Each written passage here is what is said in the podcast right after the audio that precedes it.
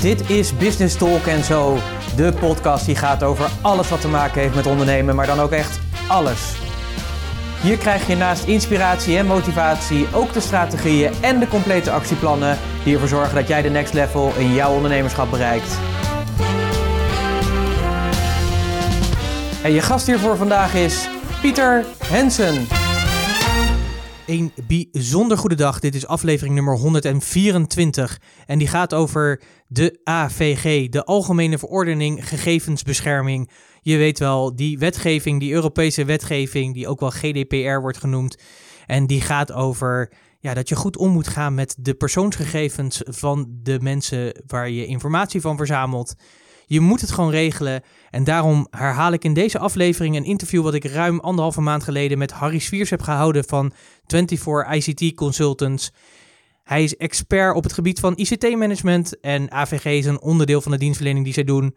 En ik heb hem toen de tijd geïnterviewd over de AVG en met name over wat je er allemaal wel moet doen en niet moet doen en dat je het moet simpel houden. Je moet het regelen, dus daarom heet deze aflevering ook AVG, je moet het regelen. Welkom en leuk dat je luistert naar Business Talk, de podcast die gaat over ondernemen en alles met wat dat mooie ondernemen te maken heeft. Mijn naam is Pieter Hensen en ik ben ondernemer, investeerder en trotse mede-eigenaar van het mooie bedrijf Puurst, waar wij ondernemers helpen om hun doelen te realiseren en de next level binnen hun bedrijf te halen.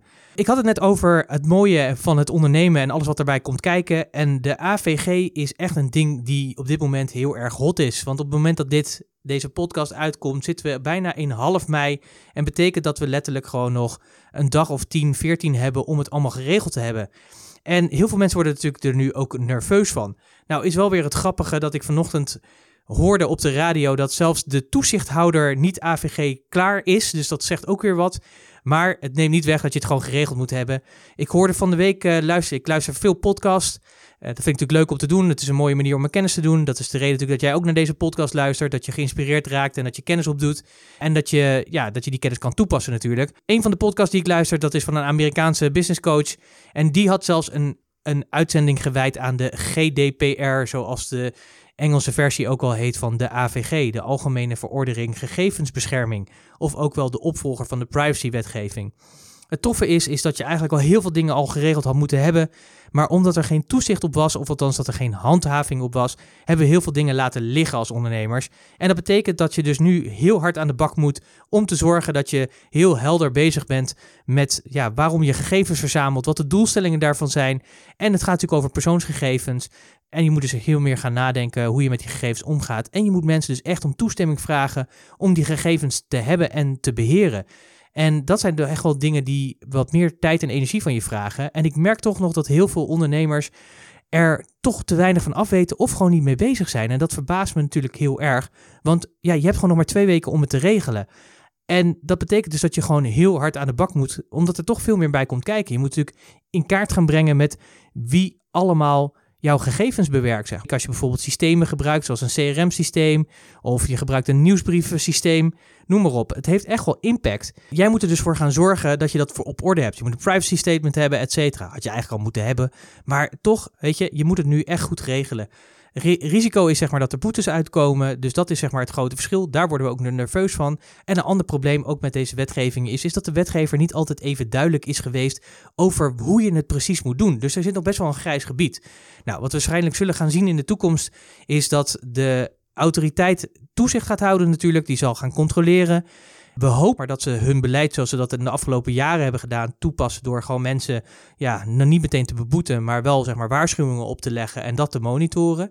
Maar we gaan het ontdekken. Er zal natuurlijk jurisprudentie over komen, uh, maar nu is het gewoon een, een hot item. En daarom voor mij ook de reden om het interview wat ik met Harry Swiers had van 24 ICT Consultants, om die te gaan herhalen. En misschien luister je naar deze podcast en zeg je, ja, maar die heb ik al geluisterd, wat het klopte, want dat was aflevering nummer 90. En dit is aflevering 124, dus we zijn inmiddels ook een stukje verder weer in de tijd. En we zijn ruim anderhalve maand verder zelfs. Maar het leek me toch goed om het alsnog te doen, zeker ook voor de mensen die er nog mee bezig zijn, om dit weer te herhalen. Het was een heel fijn interview met Harry. Harry is echt een ICT-expert. Uh, weet er heel veel vanaf, doet heel veel bedrijven, met name wat grotere bedrijven, adviseren op het gebied van IT-management. Dus alles wat met IT te maken heeft, hoe draagt dat bij aan je doelstellingen, aan je strategie? En hoe zorg je dan voor dat je IT daarin laat ondersteunen? En een van de onderdelen die zij doen is natuurlijk ook de privacywetgeving. Dat is een klein onderdeel van hun wetgeving. Maar ze zeggen ook van ja, we zien dat er heel veel aanvragen op die manier nu binnenkomen, omdat het voor iedereen hot item is. Nou, ik ken Harry zeg maar als een ras-echte eh, Rotterdammer. Dus niet lullen, maar poetsen. Hij is ook heel eerlijk en duidelijk daarin. Uh, als je nu nog moet beginnen, ben je gewoon letterlijk te laat. En dat klopt ook inderdaad, dan ben je ook echt te laat. Maar het neemt niet weg, en dat is ook het mooie van het interview, vind ik. Je moet aantonen dat je ermee bezig bent. Dus je moet het gewoon regelen. Het hoort gewoon bij gezonde bedrijfsvoering, bij professionele bedrijfsvoering. Dus regel het ook. Ik heb hem toen geïnterviewd omdat wat mij opviel is dat er best wel veel ruis op de lijn is. Er zijn best wel veel mensen die dit als kans hebben gezien. Dus je ziet nu ook dat partijen eh, AVG-scans houden en dat soort dingen. Terwijl de vraag is of zij ook echt de professionals en de experts zijn die echt weten wat er speelt. En vaak is het antwoord nee, omdat het vaak gewoon ondernemers zijn die een kans zien. Natuurlijk is dat mooi, maar ik denk dat je altijd wel moet waken voor dit soort dingen. Want het kan maar zo zijn dat je door verkeerde advisering het niet voor elkaar hebt zoals het moet. En daarom heb ik Harry geïnterviewd gevraagd naar die AVG, wat, hoe het werkt en wat we ermee moeten doen. En vooral om het met hem te hebben over de vele ruis die op die lijn is. En om jou daarin ja, te inspireren en te motiveren. Mocht je deze nou al geluisterd hebben, geen probleem. Ik zou zeggen, luister hem nog een keer. Mijn ervaring is ook dat je op het moment dat je dingen vaker luistert of terugluistert, dat je weer nieuwe inspiratie krijgt, nieuwe inzichten krijgt. Dingen die je toen niet wilde horen of kon horen, omdat je het niet begreep of omdat je er niet aan toe was. Je zult nieuwe dingen uit het interview halen. Dus ik denk dat het heel waardevol is. Ook deze keer heb ik natuurlijk weer podcastnotities voor je. Dat zijn de notities die ik toen ook heb gemaakt. Je kunt ze nu downloaden door te gaan naar puurs.nl slash podcast 124. puurs.nl slash podcast 124. Onder andere zit daar een link in. Er zit een link in naar de autoriteit persoonsgegevens. Die hebben een mooi stappenplan op hun website die jij kan volgen. En ik denk dat dat al een hele waardevolle, simpele manier is om goed bezig te zijn met de implementatie van de AVG. Ik zou zeggen, pak pen en papier. Neem nog even een kop koffie of een glas water. En noteer natuurlijk zoveel mogelijk inzichten die je op wil doen. Want je moet echt ermee aan de slag. Je hebt gewoon geen keuze. Het is Europese wetgeving die zelfs in Amerika toe tot allerlei veranderingen leidt. Dus wat ik net zei toen ik die podcast van de week luisterde van de Amerikaanse business coach, dat die ook gewoon bezig is om dat te implementeren, omdat zij gewoon ook simpelweg zaken doet met Europeanen. Dus je ziet gewoon dat deze eh, wetgeving echt effect heeft. Uh, niet zo is als de vervanger van de VAR. Dit is echt serious business, dus regel het ook serious. En ik denk dat het gewoon heel simpel is. Als jij een bedrijf hebt, dan neem je jezelf serieus en dan implementeer je dit gewoon. Veel luisterplezier en ik spreek je straks weer na het interview. Nou, Harry, super fijn dat jij je bereid hebt gevonden om een aantal vragen met mij eh, door te willen nemen die ik heb in het kader van die mooie AVG die, eraan uh, gaat komen. Want ja, zoals ik ook al in de introductie zei, uh, Harry, ik ken jou nu al denk ik ruim drie jaar. Ik kan niet anders herinneren dan dat je zei van jongens, hij komt eraan. En als je nu nog moet beginnen, en elke keer als ik je weer sprak, dan zei hij, hij komt eraan. En als je nu nog weer moet beginnen, dan ben je eigenlijk al te laat. Hè? Dus uh, wat, ik, uh, wat, mij, wat mij opvalt in die AVG-wetgeving op dit moment is, is dat er zo enorm veel over gezegd en geschreven wordt, is dat, dat het ook heel veel, ja, voor mijn gevoel, een beetje ruis op de lijn uh, begint te komen. Wat mij leuk leek om met jou gewoon eens even te bekijken van, ja, wat, wat is nou eigenlijk wat is nou eigenlijk het doel van die wetgeving geweest, uh, Harry? Waarom, waarom, hebben, waarom hebben we dit überhaupt? Deze uh, bureaucratische vorm van uh, ondernemertje pesten, hè? want dat is wat heel veel mensen het gevoel bij hebben. Of, of zie ik dat nou eigenlijk weer niet helemaal niet goed? Ja, dat zie je wel een beetje verkeerd. Gelukkig. Het is eigenlijk een voortborduring op de wet die er al wat was.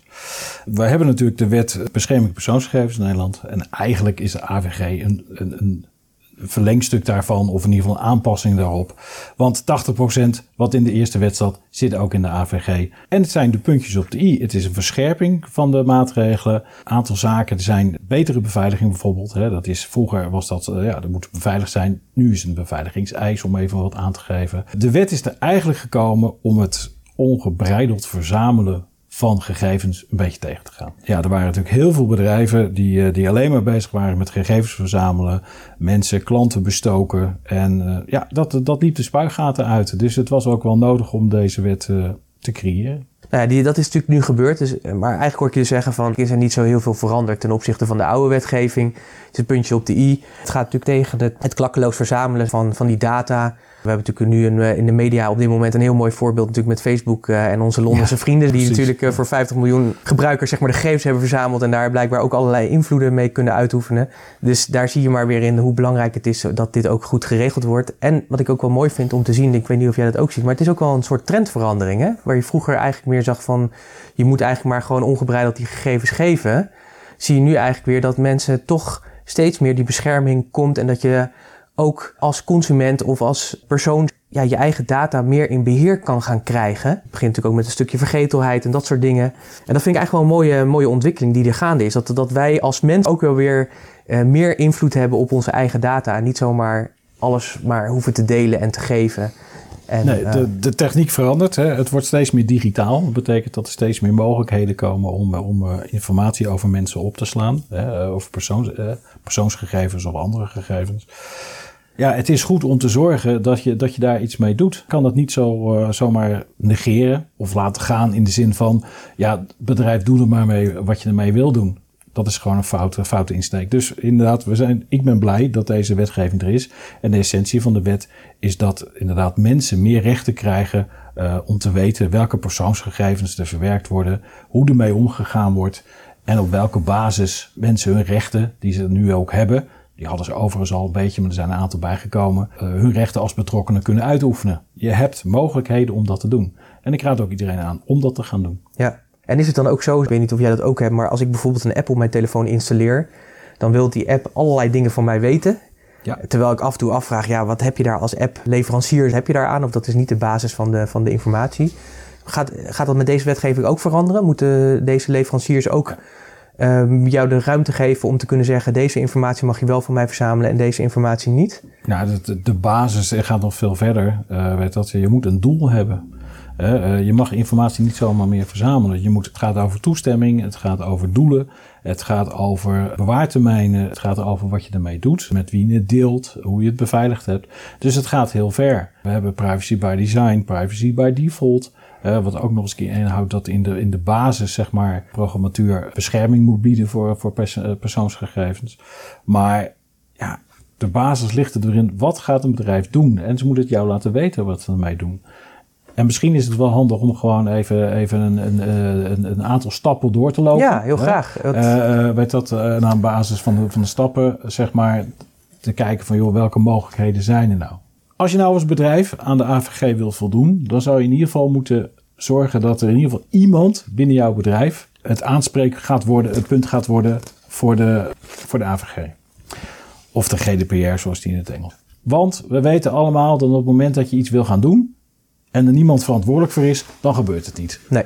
Ja, en dat is ook een van de redenen waarom er zo weinig bedrijven nog mee bezig zijn. Of waar in ieder geval de laatste maanden pas actie wordt ondernomen. Ja, want, want uh, wat, wat mij opvalt, dat had ik zelf eigenlijk vroeger ook, totdat ik jou natuurlijk ontmoette, uh, is dat ik dacht van, nou ja, weet je, ik heb, ik heb allerlei programmatuur met externe leveranciers. En daar is dat geregeld, dus het is wel geregeld. Uh, tot ik helaas jou ontmoette. Wat heel erg fijn was, want toen kwam ik tot de ontdekking van ja, maar dat is helemaal niet zo. Jij bent als eigenaar, ben je eindverantwoordelijke voor het gebruik en het verzamelen van die gegevens. En moet je dat goed geregeld hebben, ook met die toeleveranciers? Ja, eh? ja, daar ga ik zo nog even wat over zeggen. Maar inderdaad, we hebben een aantal partijen. Je bent in de wet staan een aantal partijen genoemd. Dat is onder andere de uh, verwerkingsverantwoordelijke, de verwerker, de betrokkenen zelf. Kunnen we het nog hebben over subverwerkers of, of medeverantwoordelijke. Maar het gaat erom dat als jij persoonsgegevens van iemand verzamelt of gebruikt in je werkzaamheden, ja, dan ben je daar verantwoordelijk voor. Ja. Of je bent verwerker, maar dan heb je nog meer dat je, als je bijvoorbeeld cloudleverancier bent. Maar we gaan even, laten we ons kijken, focussen op het verhaal dat je verantwoordelijk bent voor die gegevens. Dan ben je dus nu ook in de nieuwe wetgeving verantwoordelijk wat daarmee gebeurt.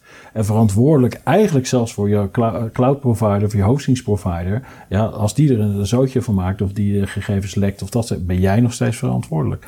En daarvoor moet je dingen regelen. En dat is dat je dingen moet regelen op basis van ICT-technische zaken. Je moet zorgen dat, uh, dat het op orde is. Je moet zorgen dat je kan aantonen dat het op orde is. Je, je moet monitoren. Je moet uh, zorgen dat je weet wat er met de gegevens gebeurt. Maar ook organisatorische zaken. De dossiers in afgesloten kasten. Clean desk policy. Noem het allemaal maar op. Er zijn veel meer elementen dan dat. Absoluut mee gaat beginnen is dat elk bedrijf zal in ieder geval in kaart moeten brengen welke persoonsgegevens er worden verwerkt. En ja, mogen deze wel mogen, uh, worden verwerkt? Er zijn bedrijven die misschien uh, gevoelige gegevens verwerken. Of de zogenaamde bijzondere persoonsgegevens verwerken. Dat moet je wel weten. Want daar hangen weer andere eisen aan. In principe mag je namelijk geen bijzondere persoonsgegevens verwerken. Mits je daar onverwijld toestemming voor hebt gekregen. Dus dat is een lastig verhaal. Maar wat je ook moet weten is waar deze worden opgeslagen. En wie heeft er nou toegang toe? En door wie worden deze nou verwerkt? Waar sla je ze op? De cloudleverancier. Maar ook intern, autorisatiematrixen. Mensen die geen bedoelingen hebben bij bepaalde persoonsgegevens of die niet nodig hebben voor werkzaamheden, mogen er ook niet bij komen. Dus je zal moeten zorgen dat je weet welke gegevens uh, je verwerkt en hoe je dat doet. De wet schrijft ook voor dat er sprake moet zijn van dataminimalisatie. Dus je gaat ook bepalen, ja, welke gegevens heb ik nou echt nodig? Ja, precies. Dus je gaat veel meer nadenken over wat heb ik nou echt nodig om mijn bedrijf te voeren. Ik hoorde laatst bijvoorbeeld ook al van mensen die zeiden van als je bijvoorbeeld sollicitatieprocedure hebt, ja, je hoeft niet meteen het BSN-nummer en dat soort dingen te vragen. dat is niet nodig. Uh, eigenlijk is dat helemaal niet nodig. Pas op het moment dat je natuurlijk daadwerkelijk een overeenkomst gaat sluiten en je moet dan aan de wetgeving voldoen, ja, dan zul je die informatie moeten opvragen. Om ook natuurlijk lonen en dat soort dingen te kunnen regelen. Dus, dus vraag dat ook niet. Maar ja, zorg ook dat het gewoon afgeplakt is of niet zichtbaar is op het moment dat iemand dat toch uh, doet. Onder andere, en, uh, werd dat, en denk er ook eens over na, als je uh, een, uh, bijvoorbeeld sollicitaties doet, mensen sturen cv's in, dat je die, die ook nog niet zomaar voor langere tijd mag bewaren. Ja. ja. daar zitten ook bepaalde bewaartermijnen aan die je moet hanteren. Ja, weet wat? En als je hem langer wil bewaren, dan zou je daar toestemming voor moeten vragen. dus overal zit wel een kenmerk aan wat je ermee moet doen. En ook dataminimalisatie. Ja, het klinkt heel gek. Maar als je gaat kijken naar je bedrijfsproces en je gaat kijken welke informatie je daar nodig voor hebt om dat bedrijfsproces op een goede manier uit te voeren, zal je zien dat er heel veel informatie in zit die je gewoon niet nodig hebt. En een veelgehoorde vraag is dan van ja, maar ik krijg dat sowieso toegestuurd. Ja, dan zou je misschien moeten zeggen, ik wil dat niet meer van jou ontvangen. Want op het moment dat jij toegestuurd krijgt en je gaat het verwerken en je hebt er geen doel voor, ja, vind ik toch dat je een probleem hebt. Ja. En dat is een beleid maken. Dus het is niet alleen maar technisch, het is niet alleen maar de, uh, persoonsgegevens die hebben gevoel. Het is ook beleid. Nadenken over wat je doet. En wat ik net al zei, het bepalen van de bewaartermijn. Je mag persoonsgegevens niet langer meer bewaren dan dat er een doel voor is. Of uiteraard een wettelijke uh, termijn. Ja. dat lijkt me logisch. Ja, dat is logisch. Um, maar je moet ook die bewaartermijnen implementeren. Je moet ze controleren. Je moet zorgen dat want als jij zegt van ik heb een bewaartermijn van 10 jaar, ja. Ja, dat na 10 jaar zaken ook inderdaad worden vernietigd. Ja, en dat je dat ook kan aantonen. Ja, dus, dus eigenlijk zeg je gewoon van, want wat ik hier uit, uit voort hoor, is dat er een hele lading procedures gaan ontstaan. Hè? Dat je Ja. eigenlijk moet beschrijven wat, je- wat je verzamelt en hoe je dat doet, ook met zo'n bewaartermijn. Maar ook dus hoe je dus ervoor zorgt dat na tien jaar daadwerkelijk ook, hè, als je dat hebt afgesproken, dat er na tien jaar ook daadwerkelijk iemand even in een kast gaat kijken of in een mapje gaat kijken en dat dan verwijdert. Oh ja, bijvoorbeeld, hè, maar eh, kijk, de meeste mensen hebben elektronische systemen. Ja, Ja? Dus dan zou je daar ook iets voor moeten regelen. En denk eens even na over e-mail. Ja, eh, heel veel mensen gebruiken hun, een e-mailbox als, eh, als een documentmanagement systeem. Ja, dat, dat mag niet meer, Harry. Daar krijg je toch wel last van. Daar ga je echt last van krijgen. Dus het gaat er ook aan dat je, dat je gaat nadenken over wat je met allerlei informatie doet. Ja. Nou, voor sommige eh, bedrijven zal het nodig zijn om ook bijvoorbeeld een artikel 30, hè, dat is een verwerkingsverantwoordelijke register aan te leggen. Daarin ga je onder andere benoemen welke categorie persoonsgegevens je verzamelt, eh, met wie je ze deelt, hoe lang je ze bewaart, en welke verwerkingen je daarmee doet. Dat is voor een aantal eh, type bedrijven noodzakelijk. Als je meer dan 250 FTE hebt, Ja, bijvoorbeeld overheidsinstellingen. eh, maar ook als je heel veel data verzamelt of bijvoorbeeld eh, bijzondere persoonsgegevens verzamelt. Hè, dan, dan heb je dat dus ook nodig. Dus daar moet je ook naar kijken van ja, moet ik daar nu wat mee of moet ik daar niet wat mee? Wat ik sowieso aan iedereen kan aanraden is, het maakt niet uit of je zo'n register moet aanleggen of niet. Heb in ieder geval voor jezelf een overzicht met welke gegevens je verwerkt. Ja, en waar je ze dus inderdaad opslaat en doet. Als je dat niet hebt, heb je misschien daar wel eens een keer een probleem. Want even tussendoor, de nieuwe wetgeving vereist, hè, we hebben het over accountability. Dus dat wil zeggen dat jij moet kunnen aantonen dat jij binnen de wet die daarvoor staat opereert. Als jij niks bijhoudt, ga je dat never nooit niet aantonen. En dan kan je zeggen, ja, maar ik, ik heb toch alles goed beveiligd. En, mijn ICT-leverancier doet het allemaal fantastisch. En ja, joh, ik doe niet meer dan alleen maar NAW-gegevens. Oh, wat ik allemaal in mijn mail krijg? Ja, geen idee. Daar ga je niet mee wegkomen. Hè? Dus, eh, dus het, het, het- het is een stukje awareness, een stukje informeren, ook als je personeel hebt, informeren en trainen. Jongens, zo gaan we met persoonsgegevens om, is uitermate belangrijk. Ja. Dus en we- dat geldt ook, als we het daar nu over hebben, dat geldt ook als je gaat kijken naar beveiliging. Als jij als verwerkingsverantwoordelijke, ben jij dus ook verantwoordelijk voor beveiliging. Er is een beveiligingseis. Een beveiligingseis wil zeggen dat je naar de huidige stand van de techniek eh, en alle mogelijkheden die het met zich meeneemt, de zaken moet beveiligen. En als je eh, bijzondere persoonsgegevens verwerkt, waar je overigens nogmaals expliciet toestemming voor moet hebben, ja, ja, dan zou je dat nog een standje eh, beter moeten beveiligen. En dat betekent dat je daar ook moet aan gaan denken. En alleen maar zeggen van, ja, ik heb een virusscanner en daar is het mee klaar, is niet zo handig. Maar even voor mij praktische beeldvorming dan. betekent eigenlijk wat ik je hoor zeggen van eh, leg een lijst aan met de verschillende. Hè, want bijvoorbeeld als ik naar mijn eigen bedrijf kijk. Ik heb een, ik heb een CRM-systeem en ik, eh, ik, ik gebruik ergens nog een e-mailsysteem. En, eh, hè, dus ik heb verschillende ex- externe systemen die ik toepas. Waar verschillende datastromen in, eh, in rondgaan. Eigenlijk hoor ik je zeggen, zet die ook op een rij. Kijk welke gegevens je daarin verzamelt. Moet je ze daar ook in verzamelen? Hè? Heb je die data nodig om überhaupt dat, eh, eh, om je bedrijfsvoering te voeren, zullen we maar zeggen? Is het doel helder? Maar zorg er dus ook dus voor dat je dus ook met die leveranciers en voor jezelf dus ook in gesprek gaat om te kijken van, hey, voldoen jullie aan al die eisen? Die gesteld worden. Hè? Heb je die verwerkingsovereenkomst? Ben je misschien ISO gecertificeerd of NEN gecertificeerd? Of weet ik veel wat voor certificaten er allemaal Waar, zijn? waar staat de data? Hè? Dat is Bijvoorbeeld, ja. Kijk, hè, we hebben het natuurlijk over... Als jij als verantwoordelijke moet aantonen dat eh, jouw programma in de cloud... dat daar veilig mee omgegaan wordt, dat het eh, goed beveiligd is.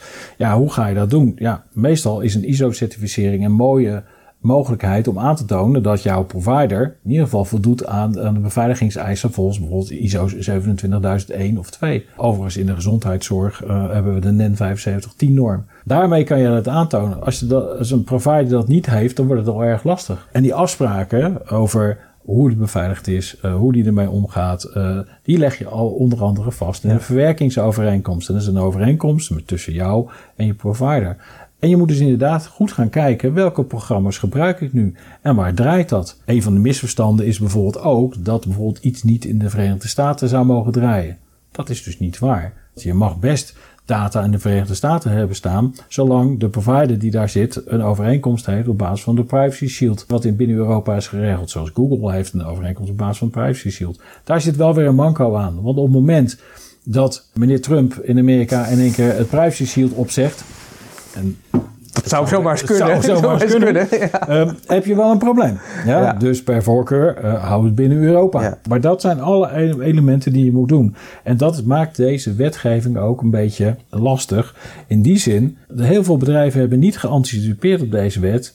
Waarom? Omdat ze zich een naar alle waarschijnlijkheid ook al niet aan de oude wetgeving hielden.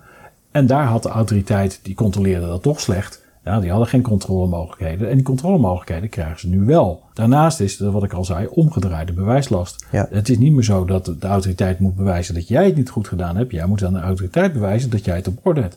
Eigenlijk hetzelfde principe wat we hebben bij de Belastingdienst. Ja. De Belastingdienst heb, heb je ook omgedraaide bewijslast. De Belastingdienst moet niet aan jou bewijzen. Jij moet het aan de Belastingdienst Ja. bewijzen. En daar gaan we wel naartoe. Dus ook voor je ICT-omgeving. Welke leveranciers heb je? Welke programma's gebruik je? Hoe is het beveiligd? Ik geef maar even wat praktische punten. Ja, een, laptop, een laptop. Is jouw laptop en- encrypted? Ja, is jouw laptop versleuteld? En dat bedoel ik niet dat er een, een, een- een, login op zit. Nee, daar hebben we het echt over. Als jouw laptop opstart, is jouw harde schijf versleuteld of niet? Is de data versleuteld die erop staat?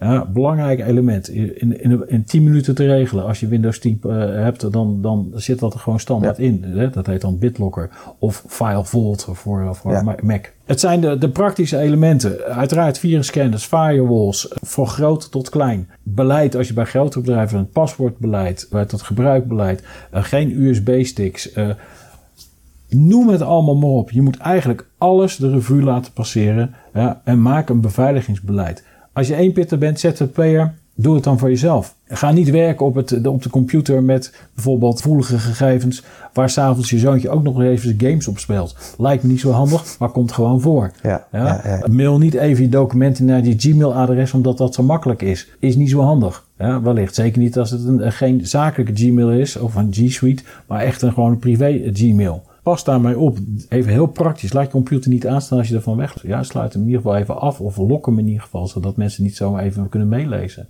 Het zijn de kleine dingen die je doen. Ja, uh, weet dat, goeie, nogmaals, goede virusscanner. Niet onbelangrijk. Je hebt van die gratis pakketten. Hartstikke leuk. Denk eens na om over voor, voor, voor mij part 50 euro per jaar iets fatsoenlijks aan te schaffen. Het zijn de kleine dingetjes die je te doen. Ja. ja.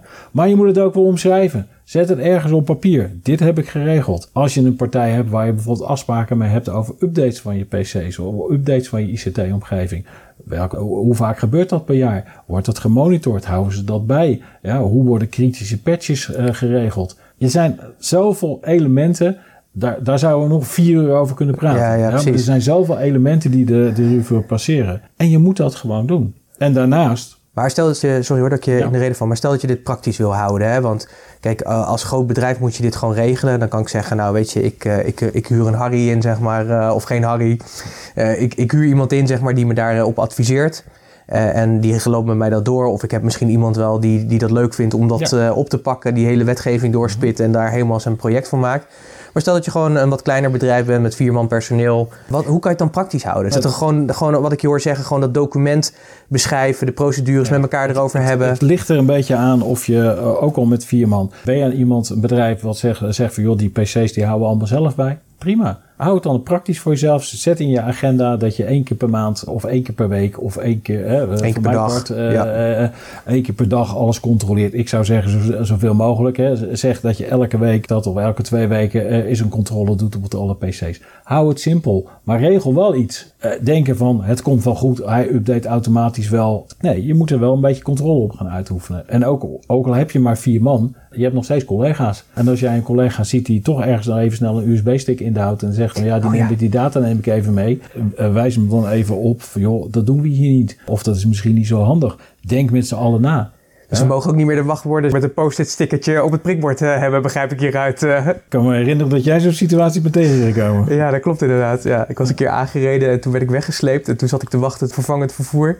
En toen heb ik een fotootje naar je geappt volgens mij met ja. uh, ik, ik, van alle systemen. Ik denk dat het echt wel een stuk of tien waren met alle inlogs en wachtwoorden die erbij stonden. Ja, ja het, maar dat, dat, dat, dat is verleden tijd. Dat kan dus echt niet meer. Dat kan dus echt niet meer. En ook als je, en ook als je zaken in de cloud hebt staan of, of gebruik maakt van de, van de softwareoplossing in de cloud. Kijk ook eens of er bijvoorbeeld twee-factor authenticatie mogelijk is. Dus niet alleen username paswoord, maar bijvoorbeeld ook met codes op je telefoon of dat soort zaken. Maak die extra stap. Daarnaast, backuppen is ook heel erg belangrijk. Want het de verlies van gegevens, het verlies van gegevens is ook, zeggen ze dan, een datalek. Dat is ook belangrijk. Dus als mijn computer crasht en ik heb geen update uitgevoerd. Nou ja, of je hebt geen backup gemaakt. Hè, ja. maar zeggen. En ik ben al mijn eh, gegevens, gegevens kwijt. En er zit, dat, dat, dat, zou inbreuk kunnen maken op de rechten van betrokkenen. Want een betrokkenen zou daardoor schade kunnen lijden. Of die zou, nou, en als dat zo is, is dat gewoon een datalek. Niet meer en niet minder. Dus dat zijn wel dingen die mensen vergeten. En als we nou naar kijken naar die betrokkenen. Ja, die betrokkenen heeft bepaalde rechten gekregen. Ja. En een van die rechten, die was er al, maar het recht op inzage, maar ook recht op vergetelheid, correctierecht. Ook dat het recht om de informatie mee te krijgen als ze dat zouden willen op een manier dat het ergens anders uh, weer op een gemakkelijke manier in te lezen is. De recht op dataportabiliteit, dat is ook een nieuwe. En op het moment dat je dat dus niet geregeld hebt, ja, je kan niet zeggen, ja, sorry, heb ik nu even geen tijd voor. Heb ik even geen zin in. Uh. Heb ik geen zin in. Uh, ja, dat komt zo moeilijk uit het systeem. Maar, maar zeg je dan ook, je daar ook iets van een procedure? Stel je voor dat, dat ik uh, bij, bij jou aanklop en zeg, Harry, ik weet dat ik in jouw systeem sta. Kun je mij eens even vertellen, wat heb je allemaal over mij? Moet je dat dan stand P opleveren? Of kun je ook zeggen van... 30 dagen voor. 30 dagen, dat is de wettelijke ja, bepaling. Een maand eigenlijk. Daar moet je dat in ieder geval dat, dat kunnen doen. Er zijn uitzonderingen in zover, als het heel erg moeilijk is of heel erg veel is of een hele goede reden voor is, dan mag je dat maximaal nog met twee maanden Maar dat moet je sowieso wel communiceren. Maar stel even in het geval dat je hier niets voor geregeld hebt en je weet niet hoe dat in elkaar steekt. En je, hè, want het is niet zo dat je altijd maar aan alle uh, verzoeken moet voldoen. Het recht om vergeten te worden is echt niet zo dat de recht om vergeten te worden, dat je ook daadwerkelijk moet zeggen: Oké, ik delete nu alle gegevens. Want er zullen misschien zaken zijn die kan je helemaal niet kunnen deleten. Uh, er zijn zaken die je misschien wel moet deleten, maar dat dat een enorme inbreuk gaat maken, dus dat ga je ook niet doen. Dat is afhankelijk van heel veel factoren. Als je daar dus geen kennis van hebt, En je hebt daar niks voor ingericht. En je hebt dat niet beschreven hoe je daarmee omgaat. Nou, dan moet je je voorstellen, ook al ben je met z'n vieren, dan komt dat verzoek om binnen. En iemand denkt van ja, wat moet ik eigenlijk mee? En die laat dat liggen. Of die, of die, die gaat iets opsturen wat nog kant of wel raakt. Ja, dan is de kans wel eens heel groot dat je de autoriteit je nek krijgt. De mensen, ook betrokkenen, ja, en dat kunnen ze nu al, kunnen gewoon bij de autoriteit op de site gewoon een klacht indienen. Ze kunnen zo een formuliertje invullen, een klacht indienen. Er zijn denk ik leukere dingen dan een brief krijgen van de autoriteit waarin ze vragen hoe jij omgaat met alle gegevens en of jij even wil aantonen dat het allemaal op de juiste wijze gedaan en verwerkt wordt. En dan hoor ik er mensen ook wel zeggen van ja, boetes en, en dat soort zaken, ja, lekker belangrijk. Ja, boetes zijn ook niet het belangrijkste ik vind de boetes niet het belangrijkste. Het is heel vervelend. Kijk, uh, eh, 4% van, je, van je, je, omzet met een maximum van 20 miljoen is natuurlijk altijd nog wel heel veel geld. Ik, je kunt, ik, als ondernemer kan ik me voorstellen dat je daar leukere dingen van kan doen voor die 4%. Maar ik denk eh. dat het heel vervelend wordt op het moment dat de autoriteit tegen jou zegt dat je je werk niet meer moet uitvoeren. Want dat kan een consequentie zijn. Dat kan ook, hè, dat de verwerking wordt stopgelegd en dat je dus even helemaal niks meer kan. En ik denk dat dat uh, misschien nog wel ernstiger is. En wat denk je van imago-schade? Als jij tegen je klanten moet gaan vertellen, sorry je klant, ja, maar al uw gegevens lagen op straat, want ik heb een laptop in mijn auto laten liggen, om even praktisch te zijn. Of het was zo slecht beveiligd, onze Russische vrienden uh, hebben de database overgenomen. En zeg niet dat het niet gebeurt, want het gebeurt dagelijks. Ja, en ik hoor je altijd zeggen, ah, gewoon uh, bla bla verhalen. Tuurlijk, totdat het gebeurt. Het is altijd zo, er is nooit iets aan de hand totdat, totdat, totdat je zelf treft. Het is altijd zo, hè? Het is altijd zo. Altijd door. En ook hierin. Het enige grote verschil is, en dat is wel denk ik een heel groot verschil met, uh, met uh, wat ik zie in de markt. Toen wij bijna twee jaar geleden zeg maar, ons voorbereiden op dit soort zaken. Want zoals je weet doet 24 ICT Consultants. Wij houden ons bezig met management binnen de ICT. En wij zijn dus ook uh, voorbereid op dit soort zaken. Ja, toen hadden we al zoiets, het zal ons benieuwen hoe dat nou gaat. Wat je ziet is dat tot en met oktober gebeurde er niet zo gek veel. Oktober vorig jaar dan. En nu in één keer is er een hoos. En wat je ook ziet, en dat wil ik zeker eh, wel eens aangeven, is dat er een, een enorme zwerm van nieuwe bedrijfjes die zich allemaal op de AVG storten, is ontstaan. Want iedereen denkt van, hé, hey, dat is handel. Daar is geld in te verdienen. En ik vind dat stuitend. Stuitend in de zin dat ik gewoon mensen tegenkom die daadwerkelijk een keer een presentatie hebben gezien. En op basis van de presentatie denken dat ze de AVG op een goede manier kunnen implementeren en daar een advies in kunnen geven. En daar hou ik ook wel een beetje mijn hart in vast. En natuurlijk, hè, laten we eerlijk zijn, de wet is op sommige punten absoluut grijs. Daar zitten dingen in dat ik denk van, hmm, leg dat, uh, autoriteit, leg dat eens uit. Ja. En dat doen ze niet. Er zijn te weinig handvaten, vind ik persoonlijk. Dus daar moet jurisprudentie over gaan ontstaan. Daar moet jurisprudentie over ontstaan. Daar zal een wetgeving over gaan. Uh, maar, maar geef, uh, uh, als je zegt een, een, een, artikel 30 register. Ja, in de wet kan je echt wel terugvinden hoe waar die aan moet voldoen. Maar inmiddels, als ik het internet afstruin, dan heb ik wel 20 templates. En niemand weet of het de goede is. Nee, ja? nee want dat moet, dat moet straks gaan blijken. Iedereen heeft een andere interpretatie over een verwerking. En dat zal ze vorm moeten krijgen. Alleen dat had beter vorm kunnen hebben. En ook al waren daar, uh, zijn daar onderdelen bij die ook al in de oude wetgeving van kracht waren, toch blijft het voor heel veel bedrijven lastig. Dus, maar common sense in dit geval, gewoon goed nadenken en kijken van joh, hoe ga ik er nou mee om, is heel erg belangrijk. En denk nou niet, nou ik het anders zeggen, raak niet in paniek, want het is geen paniekvoetbal, dat is helemaal niet nodig. Maar denk wel over na over wat je doet. En verwacht niet Oh, het is de AVG. Ik heb maar een bedrijf van 10 man. Dus dat heb ik in een weekje heb ik het wel geregeld. Nee. Als ik, want als ik het wel zo hoor, even vertaal naar mijn eigen bedrijf, wat, wat nog weer kleiner is dan die 10 man, dan denk ik, nou, Pieter, eh, je hebt nog wel wat eh, stappen te zetten. Dat, dat komt ook wel goed. En ik denk dat ook heel belangrijk is, eh, wat jij ook zegt, en dat zie ik ook in die markt gebeuren. Ik zie ook om me heen van ja, mensen denken, jongens, dit is handel. Maar zorg er alsjeblieft voor dat als je advies inwint, dat je dat ook echt doet bij mensen die echt verstand van IT hebben en ook echt begrijpen waar het over gaat. Daar moet je echt alert op zijn. Ik zag van de week ook weer iemand die een communicatiebureau heeft, waarvan ik weet dat ze vooral zich bezighouden met hele goede webteksten en die toch in één keer advies gaan geven over de AVG. Dat doet mij afvragen, is dit handig? Maar dat moet iedereen voor zich uh, natuurlijk bepalen. Uiteindelijk, ben, uiteindelijk ben je natuurlijk uh, zelf verantwoordelijk. Dat, dat, dat maar ik, ik denk dat je daar gewoon, uh, gewoon voorzichtig mee moet zijn. Omdat het gewoon ook, ja, dit gaat echt wel om iets, iets serieus. En het is ook iets blijven. Dus het is ook niet dat je dat het iets. Want ik denk dat heel veel mensen ook denken van nou eerst maar even afwachten hoe het is. En het zal vast wel minder worden. Hè. Dat hebben we natuurlijk ook bijvoorbeeld gezien natuurlijk met, met de vervanger van de VAR. Hè. Dat was natuurlijk op een gegeven moment ook. Alleen van de week hoorde ik ook ergens uh, Aleid Wolfs uh, zeggen, dat is uh, de meneer van de persoonsgegevens, hè, die de, dat, voorzitter van de autoriteit. Van de autoriteit die toezicht houdt, die zei ook: dit is A, het is Europees geregeld. En B, uh, ja, dit gaat gewoon door. Dit is gewoon, uh, dit is niet eventjes nee. van uh, drie jaar en dan is er weer een andere wind in Europa die waait en dan zal het weer een ander verhaal worden. Nee, dit nee. is wat je gewoon geregeld moet hebben. Het is een gedachtegang, het is een gedachteverandering. Je moet anders gaan nadenken over gegevens die je verwerkt en opslaat en wat je ermee doet. Ja. het is te lang vrijblijvend geweest en, en, die vrijblijvendheid die, die gaat er gewoon nu uit. Ja. dus het is ook niet van, ja, ik heb het nu geregeld, van nou, ik heb het geregeld, ik ben klaar. Nee, je hebt het geregeld. En hoe ga je het nu borgen voor de toekomst? En dat betekent, en dat is iets, en dat, dat roep ik al heel lang. Jaren geleden zei ik van als je je ICT niet op orde hebt, ja, krijg je vanzelf problemen. En dat zie je nu bij heel veel bedrijven ontstaan. Want ICT op orde hebben wil niet zeggen dat je kan zeggen: ja, ik heb een ICT-leverancier en die doet alles voor mij. Nee, want het is het snijvlak van ICT met procedures, met toepassingen binnen je bedrijf in combinatie met wetgeving. En dat is een heel ander spelletje. Dat is iets minder dan kijken of de virusscanner het doet. Kijken, hè, ik kan niet inloggen, wat is het probleem? Daar hebben we het over hele andere zaken. Ja. En natuurlijk zal dat voor de kleine ondernemers iets minder gelden dan voor de grote ondernemers. Maar het geldt voor allebei. Het is zowel groot als klein moet het op orde hebben.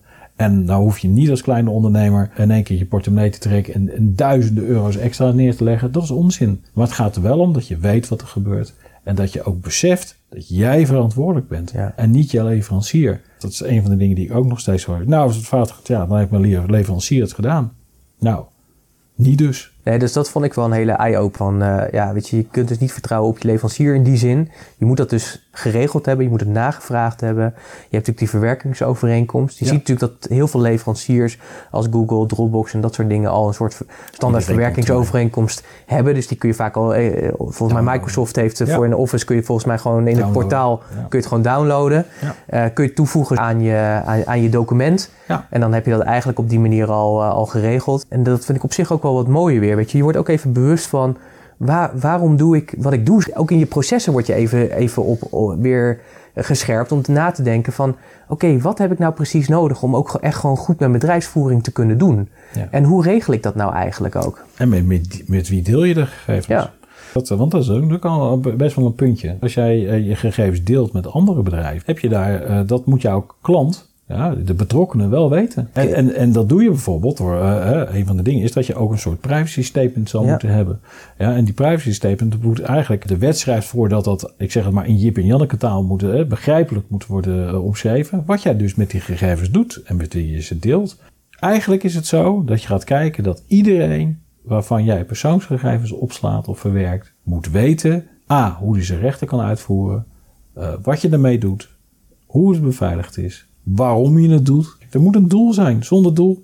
Uh, je mag niet uh, dingen doen zonder een doel. En als ik daar een hele makkelijke voorbeeld van moet geven. Ja, graag. laten we even een webwinkel nemen uh, die, die schoenen verkoopt.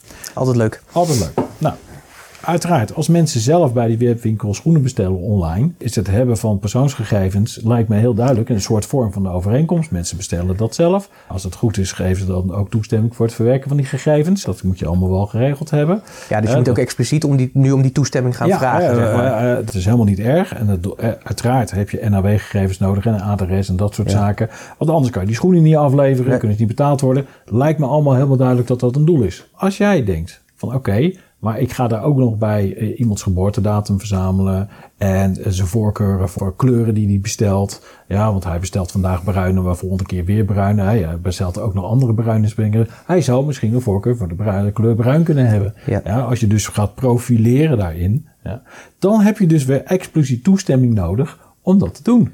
Dus dan moet je eigenlijk, betekent dan eigenlijk dat je in je soort privacy statement moet hebben staan dat je dat doet, bijvoorbeeld. En dan zou iemand bij zijn bestelling die zouden moeten zeggen van ik ga akkoord ik teken voor het privacy statement. Nou, hij gaat akkoord met, eh, met, eh, met de verwerking op die manier. Je zult kunnen aantonen dat iemand daar expliciet toestemming voor heeft gegeven. En dat zie je ook gebeuren. Hè? Als je nu op internet kijkt, ja, dan zie je soms dat je niet één keer moet klikken voor toestemming, maar wel twee keer moet klikken ja, ja, voor toestemming. Klopt, klopt. Ja? Er is een enorme verandering gaande. Ja? Nou ja, als, als ik voor mezelf kijk, maar waar ik zelf uh, me niet bewust van was, maar wat daar ook in hoort bijvoorbeeld. Hè, wij doen bijvoorbeeld uh, uh, webinars geven online.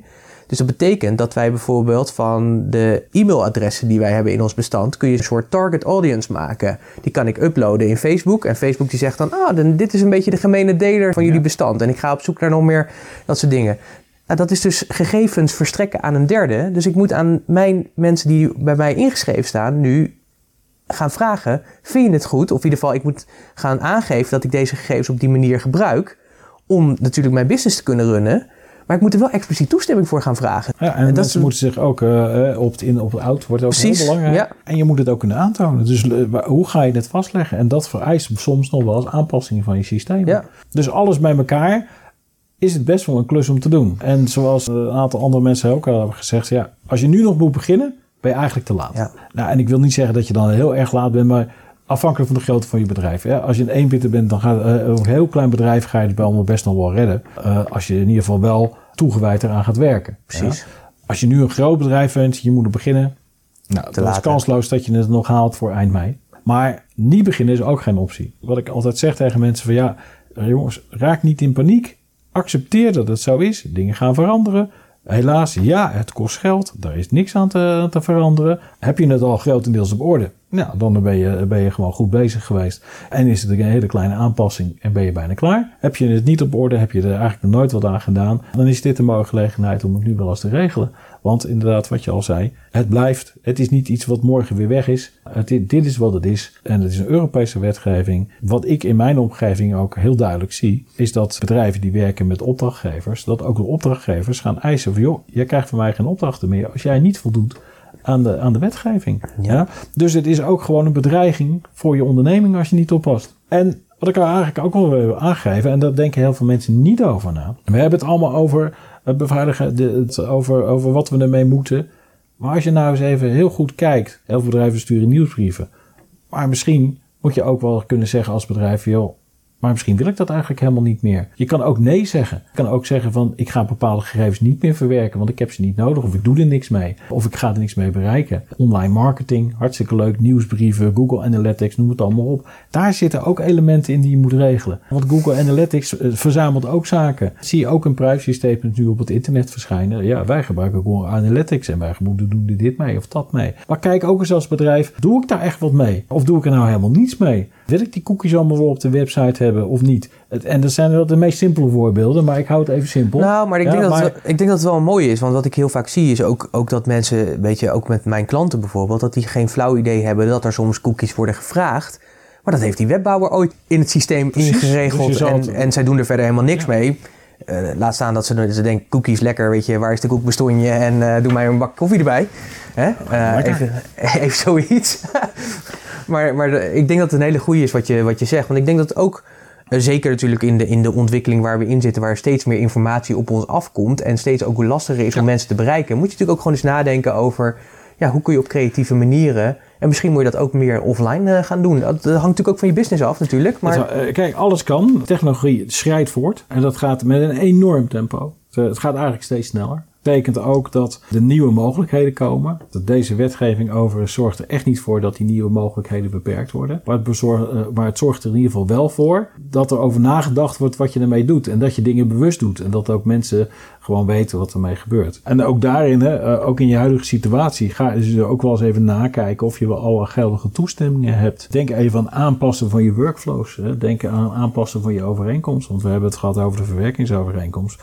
Maar ja, als je twee verwerkingsverantwoordelijkheden hebt, daar heb je helemaal geen verwerkingsovereenkomst tussen. Maar wel een overeenkomst. Waarin weer in geregeld staat wat, wat, uh, wat er gebeurt met deze gegevens en hoe die mee omgaat. Als er bijvoorbeeld uh, sprake is van een datalek. Een protocol datalekken is ook een heel belangrijk iets. Ja, wat, wat nou op het moment dat die fantastische cloud provider van jou toch de gegevens op straat gooit? Of dat jij zegt van mijn laptop was goed beveiligd, maar bleek toch iets minder goed beveiligd te zijn en er lag toch achter in de auto. Of een andere mogelijkheid. In ieder geval, er is data weg. Of er is data op het internet beland. Er zegt niet dat het niet gebeurt. Het gebeurt dagelijks. Hoe ga je er dan mee om? Nou, daar heb je een data, een protocol datalekker. Dat had je al moeten hebben sinds 1 januari 2016. Maar zeg je dan ook van... Kijk, want ik zit dan even te denken naar mezelf. Hè? Ik bedoel, uh, klein bedrijf. Dan denk ik... Uh, oh, Harry, alsjeblieft. Niet nog, nog, nog een procedure erbij. Maar eigenlijk hoor ik je zeggen van ja, je moet, je moet er wel over nadenken. Je moet wel nadenken, als dat gebeurt, moet je wel die wetgeving volgen.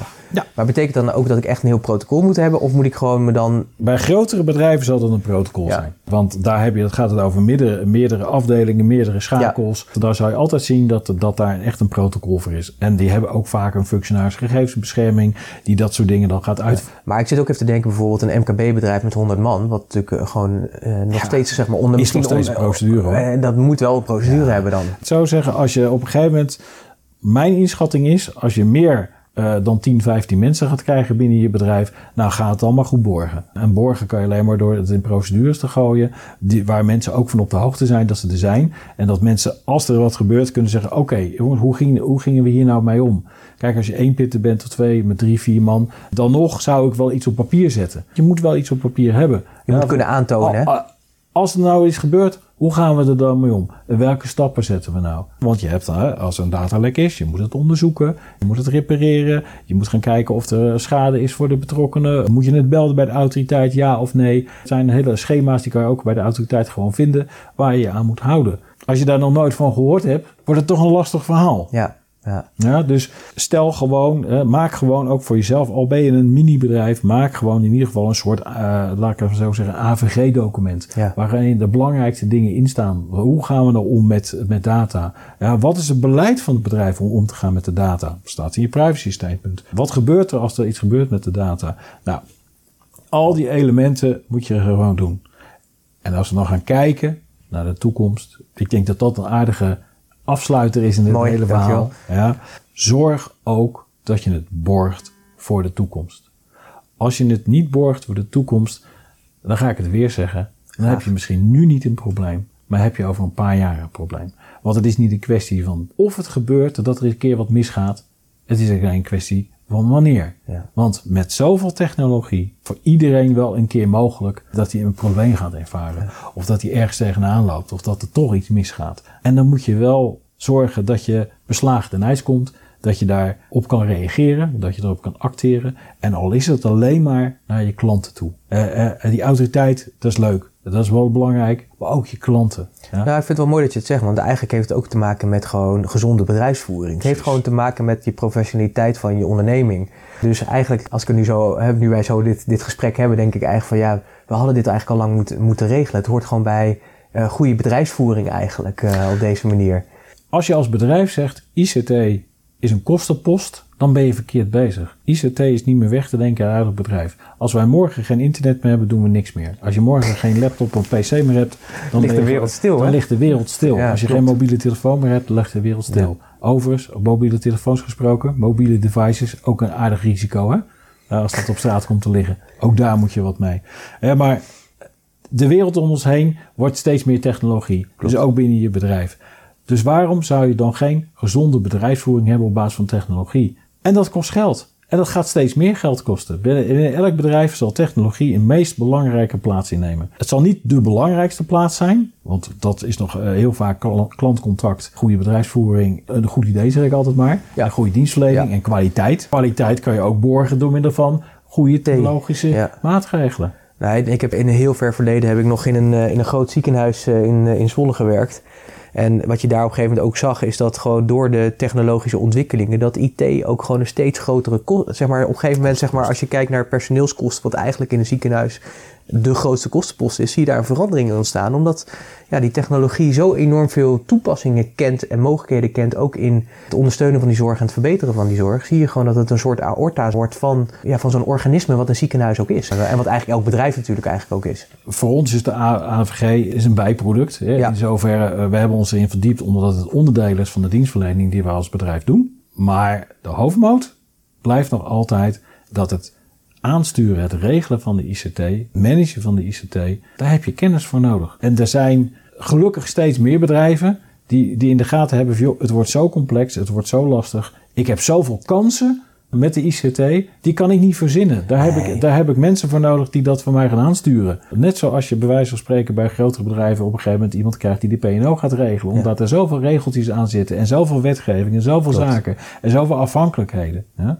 Nou, zo is het met de ICT niet anders. En ook voor de AVG, borging naar de toekomst toe. Regel het nu, borging naar de toekomst toe. Ben je nog niet klaar voor de AVG eind mei? Nou, prima. Maak je daar niet zoveel zorgen over. Maar zorg wel dat je kan aantonen dat je er heel hard mee bezig bent. Precies, want Ja. dat, is, dat is eigenlijk dus ook al een belangrijke. En ehm, voordat we echt definitief afronden in dit gesprek, wat ik vaak wel als vraag eh, ook kreeg van mijn klanten, zei van ja, Pieter, nou ben ik bijvoorbeeld bezig met mijn eh, toeleverancier, hè, dus een derde partij die, eh, die gegevens voor mij eh, verwerkt. Maar nou is hij nog niet ISO gecertificeerd en dat soort dingen. Ja. wat moet ik dan? Moet ik dat dan, moet ik daar dan afscheid van gaan nemen? Of wat, wat, wat moet ik dan eigenlijk? Hè? Weet je, want Afhankelijk van de grootte van je bedrijf zou ik bijna willen zeggen. Maar je zal je, als jij verantwoordelijke bent, laat je gegevens op bij iemand ja, die niet ISO gecertificeerd is, dan moet jij als bedrijf er wel van kunnen verwittigen dat hij alles op orde heeft. En hoe ga je dat dan doen? En hoe ga je dat aantonen? Ja. Nou, en daar zit wel een knelpunt. Eh, Want wat ik zie, ja, is dat eh, heel veel hostingspartijen in de afgelopen jaar allemaal ISO gecertificeerd zijn. allemaal met deze Met, de, met deze reden. reden van dat ze al die vragen gaan krijgen. Hè, want jij zou toch ergens als, als hostingsbedrijf, zou je dus naar die verantwoordelijke maar wel moeten aan kunnen tonen dat je het op orde hebt. Ja. Nou, hoe moet je dat doen? Nou, een audit. Moet je nou als, als, als bedrijf, ga je een audit doen bij je hostingspartner? Ja, het kan. Ik niet, ja, ik niet Ja. hoor. Maar dat weet je dus niet. Nee. En daar komt ook weer een stukje kennis bekijken. Want hoe ga jij, als, als dat niet jouw ding is, of niet jouw kennisniveau is om, om daar iets over te zeggen, hoe ga je nou controleren dat die hostingspartner dan Ja. eh, voldoet aan de eisen? Nou, en daarvoor zeggen wij bijvoorbeeld, de enige manier op, op een hostingspartij dat kan aantonen, is dat die in ieder geval ISO gecertificeerd of in een ISO gecertificeerd datacenter zit, waar alles geregeld is. Wat kan je er anders aan toevoegen? Dus is het een, een verplichting? Nou, nee, maar het is wel een verplichting dat jij aantoont hoe of wat. En dit is bijna de enige manier waarop je dat kan doen. Precies, want dan heb je ook die Plan, Do, Check, Act. Hè, dus die Ja. borging in dat verhaal Ja. waar we het net zo eh, mooi over hadden. Hey Harry, eh eh, dankjewel. Als ik het heel even kort samenvat, maar dan hoor ik je eigenlijk zeggen van... als je nog niet begonnen bent, ga gewoon beginnen. Ja. Maak je ook niet gek. Het is ook een beetje common sense. Zeker weten. want ik denk dat dit ook een mooi moment is om weer eens even helder te hebben. wat doe ik precies? Welke systemen heb ik daarvoor nodig? En waarom gebruik ik die eigenlijk? Dus, dus dat doel van die dataverzameling, daar Ja. moet je even over nadenken. Zeker. Je moet nadenken over van eh, wat verzamel ik precies? Eh, ben ik eindverantwoordelijke of ben ik, eh, ben ik ver- verwerker of heb ik misschien wel beide rollen? Want dat komt volgens mij ook voor, hè? Dat, je, voor, ja. dat, dat je dat ook hebt. En dat je het natuurlijk gewoon procedureel gewoon goed geregeld hebt. Dat je gewoon hebt gezegd van zo doen wij dat hier. Zo Ja. hebben wij dit geregeld. En dat vertaal je ook weer in je privacy statement. En je zorgt gewoon dat je dat gewoon in een versiedocument hebt opgeslagen. En die regelmatig gewoon ook update. Ja, en communiceer naar je klant. Privacy systeem is heel belangrijk. Communiceer naar je klant. Zorg dat de rechten van betrokkenen in ieder geval worden gerespecteerd. En dat je dat ook kan respecteren. Kijk naar je bewaartermijnen. Neem gewoon alle stappen toe, eh, door. Wij hebben een stappenplan. Eh, bijna iedereen heeft er tegenwoordig een stappenplan. Ja, Ja, zelfs de autoriteit heeft ook een stappenplan. Download is de stappenplan. Daar wil ik wel even een paar tips meegeven. Ja, super. Eh, eh, heel Heb je- leuk. Eh, de autoriteit heeft een website ook een stappenplan staan. Die kan je downloaden. Is dat een eh, eentje die een beetje eh Ja, te gebruiken? te volgen. Dat is een goede basis om in ieder geval naar te kijken. Ook op de site van de autoriteit heb je ook de mogelijkheid om een, eh, een soort survey in te voeren. Daar worden allerlei vragen gesteld. Ah, en mooi. daar komt er een rapportje uit waar ik altijd maar van zeg van nou, het, het, het snijdt in ieder geval een klein beetje hout. Niet alles. Er staat er ook bij dat je er niet mag gebruiken om aan te tonen dat je er aan de wet voldoet. Dat vind ik wel een hele leuke. Maar het geeft wel aan als je de vragen eerlijk beantwoordt hoe ver je bent. Hè? En of je, of, je, of je bepaalde dingen geregeld hebt of niet geregeld hebt. Maar ja, begin er gewoon aan. Laat je niet gek maken. Begin eraan. Nou, hartstikke goed. Ik zal eh, bij deze podcast podcastnotities eh, maken. En dan zal ik die twee linkjes opnemen van, eh, van de autoriteit. Dan heeft iedereen geen reden meer om niet te weten wat hij zou moeten doen eigenlijk. Sowieso niet. Hè, dat is eigenlijk wat ik je hoor zeggen. Hey, super dankjewel voor, voor dit gesprek. Ik, ik vond hem heel waardevol. Oh, ik heb er ook weer, ook al had ik me er al heel erg in verdiept, weer nog weer dingen geleerd. En ik denk dat het vooral, vooral belangrijk is, is ja, zorg gewoon dat je bedrijfsvoering op orde hebt. Dat is eigenlijk gewoon de kern van het verhaal. En daar hoort dit, hoort dit gewoon bij. Leuker kunnen we het niet maken. Misschien een beetje makkelijker door deze podcast.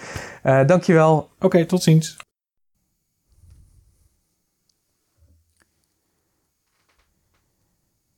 Dit was het interview met Harry Sviers van 24 ICT Consultants over de AVG. De boodschap is natuurlijk heel erg helder. Je moet er natuurlijk mee aan de slag. Je moet het geregeld hebben en al vrij snel ook al. Maar ga er gewoon mee aan de slag. Hou het simpel, want dat was ook de boodschap. En doe het gewoon. Just do it. Uh, ik moet je zeggen dat uh, ik de podcast zelf ook weer heb teruggeluisterd en ook weer nieuwe inzichten heb opgedaan door alleen maar eventjes terug te luisteren. Dus mocht je hem al een keer geluisterd hebben, dan hoop ik dat ook jij dat hebt gehad. Is het nieuw voor je, dan hoop ik dat je heel veel aantekeningen hebt gemaakt. Vergeet natuurlijk even niet de waardevolle podcastnotities te downloaden die bij deze podcast horen. Ga daarvoor naar puurs.nl slash podcast 124. puurs.nl slash podcast 124. Daar vind je de podcastnotities die je dan kan downloaden. En dan heb je dat zo in je mailbox zitten. Helemaal te gek natuurlijk. Wil je reageren? Van harte welkom. Dat kan natuurlijk via de verschillende kanalen waar deze podcast verschijnt. Maar natuurlijk ook in de social media kanalen. Doe dat. Vind ik altijd heel erg leuk. Ik zie het en ik reageer graag op je. Wil je persoonlijk reageren? Dan kan het ook. Stuur een e-mail naar pieter.puurst.nl. Denk je dat deze podcast heel erg waardevol is voor collega-ondernemers? Dan zou ik je van harte willen uitnodigen om de podcast te delen of ze te wijzen op deze podcast. Doe dat. Daarmee helpen wij elkaar om te zorgen dat we allemaal AVG-proof zijn. En dat we gewoon netjes doen wat er van ons gevraagd wordt. Nogmaals, dankjewel voor het luisteren. Ik wens je in ieder geval een heel fijn weekend en een fijne week. En ik spreek je natuurlijk graag morgen weer met een nieuwe mini-podcast. Tot morgen.